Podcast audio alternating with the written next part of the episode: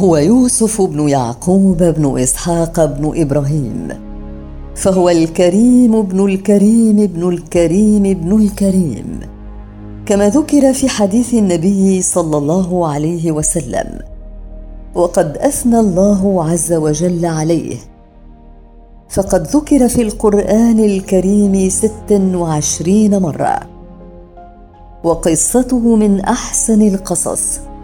كما قال تعالى في سورة يوسف نحن نقص عليك أحسن القصص بما أوحينا إليك هذا القرآن وإن كنت من قبله لمن الغافلين.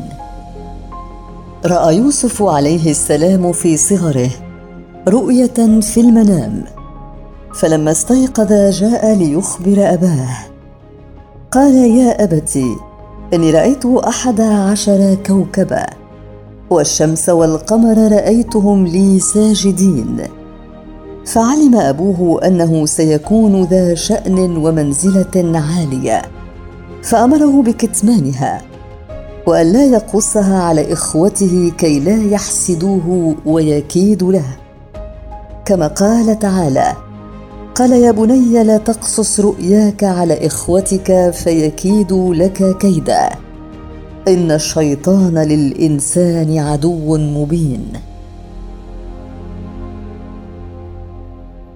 فقد اشتباه الله عز وجل بهذه الرؤيا العظيمة وخصه بالرحمة والمنزلة وأفهمه من تأويل الأحلام ما لا يفهمه غيره كما قال تعالى وكذلك يجتبيك ربك ويعلمك من تأويل الأحاديث ويتم نعمته عليك وعلى آل يعقوب. كما أتمها على أبويك من قبل إبراهيم وإسحاق. إن ربك عليم حكيم.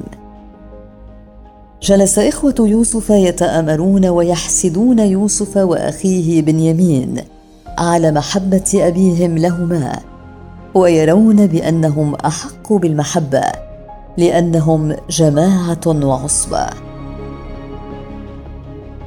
كما قال تعالى لقد كان في يوسف وإخوته آيات للسائلين إذ قالوا ليوسف وأخوه أحب إلى أبينا منا ونحن عصبه إن أبانا لفي ضلال مبين. فوصفوا أباهم بالضلال المبين. ثم تشاوروا فيما بينهم لقتل يوسف أو إبعاده إلى أرض لا يعرف أن يرجع منها ليخلو لهم وجه أبيهم ومحبته. ثم سيتوبون إلى الله بعد ذلك. فقالوا اقتلوا يوسف أو اطرحوه ارضا يخلو لكم وجه أبيكم وتكونوا من بعده قوما صالحين. تدخل أحد إخوانه فقال لهم لا تقتلوا يوسف وارموه في البئر وتأتي أي قافلة تأخذه بعيدا عنكم وتتخلصون من يوسف كما قال سبحانه. قال قائل منهم لا تقتلوا يوسف وألقوه في غيابة الجب يلتقطه بعض السيارة إن كنتم فاعلين. أجمع الأخوة على أن يلقوا يوسف في البئر. ثم جاءوا إلى أبيهم. قالوا يا أبانا ما لك لا تأمنا على يوسف وإنا له لناصحون. أرسله معنا غدا يرتع ويلعب وإنا له لحافظون. أخذ الأخوة يتوددون على يوسف. ويظهرون لأبيهم حبهم له ويضمرون الحقد والحسد. ثم طلبوا من أبيهم أن يرسله معهم في الغد ليلعبوا ويلهوا معه. فرد عليهم قال اني يحزنني أن تذهبوا به وأخاف أن يأكله الذئب وأنتم عنه غافلون. فقال يا بني اني يشك علي أن أفارقه ساعة من نهار وأخشى أن تنشغلوا عنه فيأكله الذئب ولا يقدر عن دفعه عنه لصغره وغفلتكم عنه. فردوا عليه قالوا لئن أكله الذئب ونحن عصبه إنا اذا لخاسرون.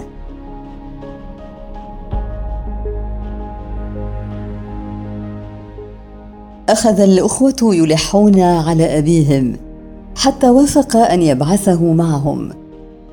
ففرح يوسف بأنه سيخرج مع إخوانه ويلعب معهم. وهو لا يعلم ما أضمره له إخوته وما مكروا له. وفي الغد خرج يوسف مع إخوته ليلعب معهم. وما أن غابوا عن ناظر أبيهم فجعلوا يشتمونه ويهينونه. ثم حملوه وألقوه في غيابة الجب. وقد تعلق يوسف عليه السلام بصخرة وجلس يبكي. فأوحى الله إليه أن يا يوسف لا تخف. سيأتي يوم من الأيام تذكر إخوانك بصنيعهم هذا. كما قال تعالى فلما ذهبوا به وأجمعوا أن يجعلوه في غيابة الجب وأوحينا إليه لتنبئنهم بأمرهم هذا وهم لا يشعرون. وبعد أن وضعوه في البئر ورجعوا عنه أخذوا قميصه وذبحوا شاة ولطخوا قميصه بدمها وعادوا إلى أبيهم في ظلمة الليل وهم يتباكون على أخيهم كما قال تعالى وجاءوا أباهم عشاء يبكون قالوا يا أبانا إن ذهبنا نستبق وتركنا يوسف عند متاعنا فأكله الذئب وما أنت بمؤمن لنا ولو كنا صادقين فقالوا له أنهم كانوا في سباق فيما بينهم وقد نزعوا بعض ثيابهم فطلبوا من يوسف أن يحرسها لهم فأكله الذئب في غيابنا وهذا قميصه. فأعطوا أباهم القميص ونسوا أن يمزقوا القميص. فعلم يعقوب أن في الأمر مكيده قال تعالى وجاءوا على قميصه بدم كذب. قال بل سولت لكم أنفسكم أمرا فصبر جميل والله المستعان على ما تصفون. أما يوسف فقد جلس ينتظر فرج الله ولطفه به فسمع صوت أناس مسافرين وقد أرسلوا أحدهم ليستقوا من ذلك البئر. فلما أدلى أحدهم دلوه تعلق فيه يوسف عليه السلام. فلما رآه ذلك الرجل قال يا بشرى هذا غلام وأسروه بضاعة. والله عليم بما يعملون. ثم ذهبت القافلة متوجهة إلى مصر ليبيعوا هذا الغلام كبضاعة. فاشتراه منهم عزيز مصر بدراهم معدودة وشروه بثمن بخس دراهم معدودة. وكانوا فيه من الزاهدين أي أنهم باعوه بثمن بخس قليل وقيل أنه اشتراه بعشرين دينارا. ثم ذهب به إلى القصر وقال الذي اشتراه من مصر لامرأته اكرمي مثواه عسى أن ينفعنا أو نتخذه ولدا. فقال لامرأته احسني إليه وأكرميه فربما ينفعنا ويخدمنا. فعاش في قصر عزيز مصر معززا مكرما وهذا من لطف الله به ورحمته وإحسانه. وبقي يوسف في القصر معهم سنوات طويلة. وبعد أن بلغ أشده فتنت به امرأة العزيز فتعلقت به فغلقت أبواب القصر وتزينت له وقالت هيك لك. قال معاذ الله إنه ربي أحسن مثواي إنه لا يفلح الظالمون فيقصد بأن زوجها عزيز مصر أحسن إليه وأكرم مقامه عنده. فلما رأت إعراضه عنها طلبت منه لتعتدي هي عليه. كما قال سبحانه ولقد همت به وهم بها لولا أن رأى برهان ربه. كذلك لنصرف عنه السوء والفحشاء إنه من عبادنا المخلصين. فهرب منها يبحث عن باب مفتوح وهي تمسكه من قميصه من خلفه. لتمزق القميص. ويوسف يسرع إلى الباب ليفتحه. فلما فتح الباب فإذا بزوج امرأة العزيز قد أقبل إليهما. قال تعالى واستبقا الباب وقدت قميصه من دبر والفيا سيدها لدى الباب. فبادرته بالكلام. وحرضته على يوسف. قالت ما جزاء من أراد بأهلك سوءا إلا أن يسجن أو عذاب أليم. فرد يوسف عليه السلام ليزيح عن نفسه هذه التهمة. قال هي راودتني عن نفسي.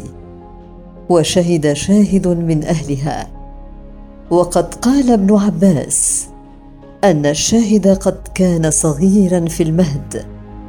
ونطق فقال إن كان قميصه قد من قبل فصدقت وهو من الكاذبين. وإن كان قميصه قد من دبر فكذبت وهو من الصادقين.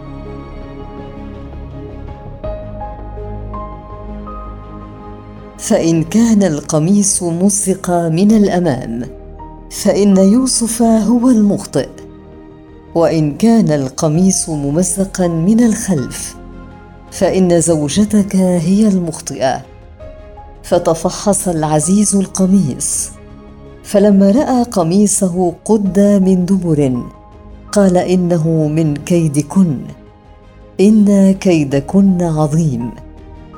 ثم أمر العزيز يوسف بأن يكتم هذا الأمر وأمرها بالاستغفار لذنبها والتوبة إلى ربها. فقال يوسف أعرض عن هذا واستغفري لذنبك إنك كنت من الخاطئين. فسمع نسوة من نساء القصر بقصة مراودة امرأة العزيز ليوسف فاستنكرن ذلك. فكيف تراود مولا من الموالي وهي امرأة العزيز؟ كما قال تعالى وقال نسوة في المدينة امرأة العزيز تراود فتاها عن نفسه قد شغفها حبا. إنا لنراها في ضلال مبين. فلما سمعت بأمرهن وتربصهن منها أرسلت إليهن وجمعتهن في القصر واعتدت لهن ضيافة مما يقطع بالسكاكين واعطت كل واحدة منهن سكينا وكانت قد هيأت يوسف عليه السلام وألبسته أحسن الثياب. وأمرته بالخروج عليهن في هذه الحالة. فخرج عليهن وهو في أحسن هيئة كما قال سبحانه. فلما سمعت بمكرهن أرسلت إليهن وأعتدت لهن متكأ وآتت كل واحدة منهن سكينا وقالت اخرج عليهن. فبهرن بحسنه وجماله حتى انشغلن عن أنفسهن وجعلن يحززن في أيديهن بتلك السكاكين ولا يشعرن بالجراح. كما قال سبحانه فلما رأينه أكبرنه وقطعن أيديهن وقلنا حاش لله ما هذا بشرا. إن هذا إلا ملاك كريم. وقد جاء في الحديث عن النبي صلى الله عليه وسلم أنه قال فمررت بيوسف وإذا هو قد أعطي شطر الحسن وقال ابن مسعود وكان وجه يوسف مثل البرق وكان إذا أتته امرأة لحاجة غطى وجهه وبعد أن دهشت النسوه بجمال يوسف. ردت عليهن امرأة العزيز قالت فذلكن الذي لمتنني فيه ولقد راودته عن نفسه فاعتصم. ولئن لم يفعل ما آمره ليسجنن وليكونن من الصاغرين. حينها دعا يوسف ربه فقال قال رب السجن أحب إلي مما يدعونني إليه وإلا تصرف عني كيدهن. أصب إليهن وأكن من الجاهلين. فاستجاب له ربه فصرف عنه كيدهن. إنه هو السميع العليم. رأى العزيز بعدما علم براءة يوسف أن يسجنوه مدة من الزمان ليكون ذلك أقل لكلام الناس. وليظهروا أنه راودها عن نفسها. فسجنوه ظلما وعدوانا. وكان هذا مما قدر الله له كما قال ثم بدا لهم من بعد ما راوا الآيات ليسجننه حتى حين. ودخل معه السجن فتيان. قيل كان أحدهما ساقي الملك والآخر خبازا. فلما رأيا يوسف عليه السلام في السجن أعجبهما كثرة عبادته وإحسانه. وكانا قد حلما حلما. فقص الرجلان الحلم عليه كما قال تعالى قال أحدهما إني أراني أعصر خمرا. وقال الآخر إني أراني أحمل فوق رأسي خبزا تأكل الطير منه. نبئنا بتأويله إن نراك من المحسنين. فرد عليهما. قال لا يأتيكما طعام ترزقانه إلا نبأتكما بتأويله قبل أن يأتيكما. فما تريان من حلم. فإني أفسره لكم قبل وقوعه. فيكون كما أقول. وقال لهما إن هذا من تعليم الله إياه لأنه مؤمن به موحد له متبع منة آبائه الكرام إبراهيم الخليل وإسحاق ويعقوب. ما كان لنا أن نشرك بالله من شيء ذلك من فضل الله علينا. ثم دعاهم إلى عبادة الله وحده وترك ما سواه فقال يا صاحبي السجن أأرباب متفرقون خير أم الله الواحد القهار؟ ما تدعون من دونه إلا أسماء سميتموها أنتم وآباؤكم ما أنزل الله بها من سلطان. إن الحكم إلا لله أمر الا تعبدوا إلا إياه ذلك الدين القيم ولكن أكثر الناس لا يعلمون. ثم بعد أن دعاهم إلى الله عز وجل بدأ يفسر لهما الرؤيا فقال يا صاحبي السجن أما أحدكما فيسقي ربه خمرا وهو الساقي وأما الآخر فيصلب فتأكل الطير من رأسه وهو الخباز. قضي الأمر الذي فيه تستفتيان. ثم قال يوسف عليه السلام للذي ظنه ناجيا منهما وهو الساقي. اذكرني عند ربك اي اذكر أمري وسجني بغير جرم عند الملك. وفي هذا دليل على جواز السعي في الأسباب. ولا ينافي ذلك التوكل على الله عز وجل. فأنساه الشيطان ذكر ربه فأنسى الشيطان الناجي منهما. أن يذكر ما وصاه به يوسف عليه السلام. فلبث في السجن بضع سنين والبضع ما بين الثلاث إلى التسع.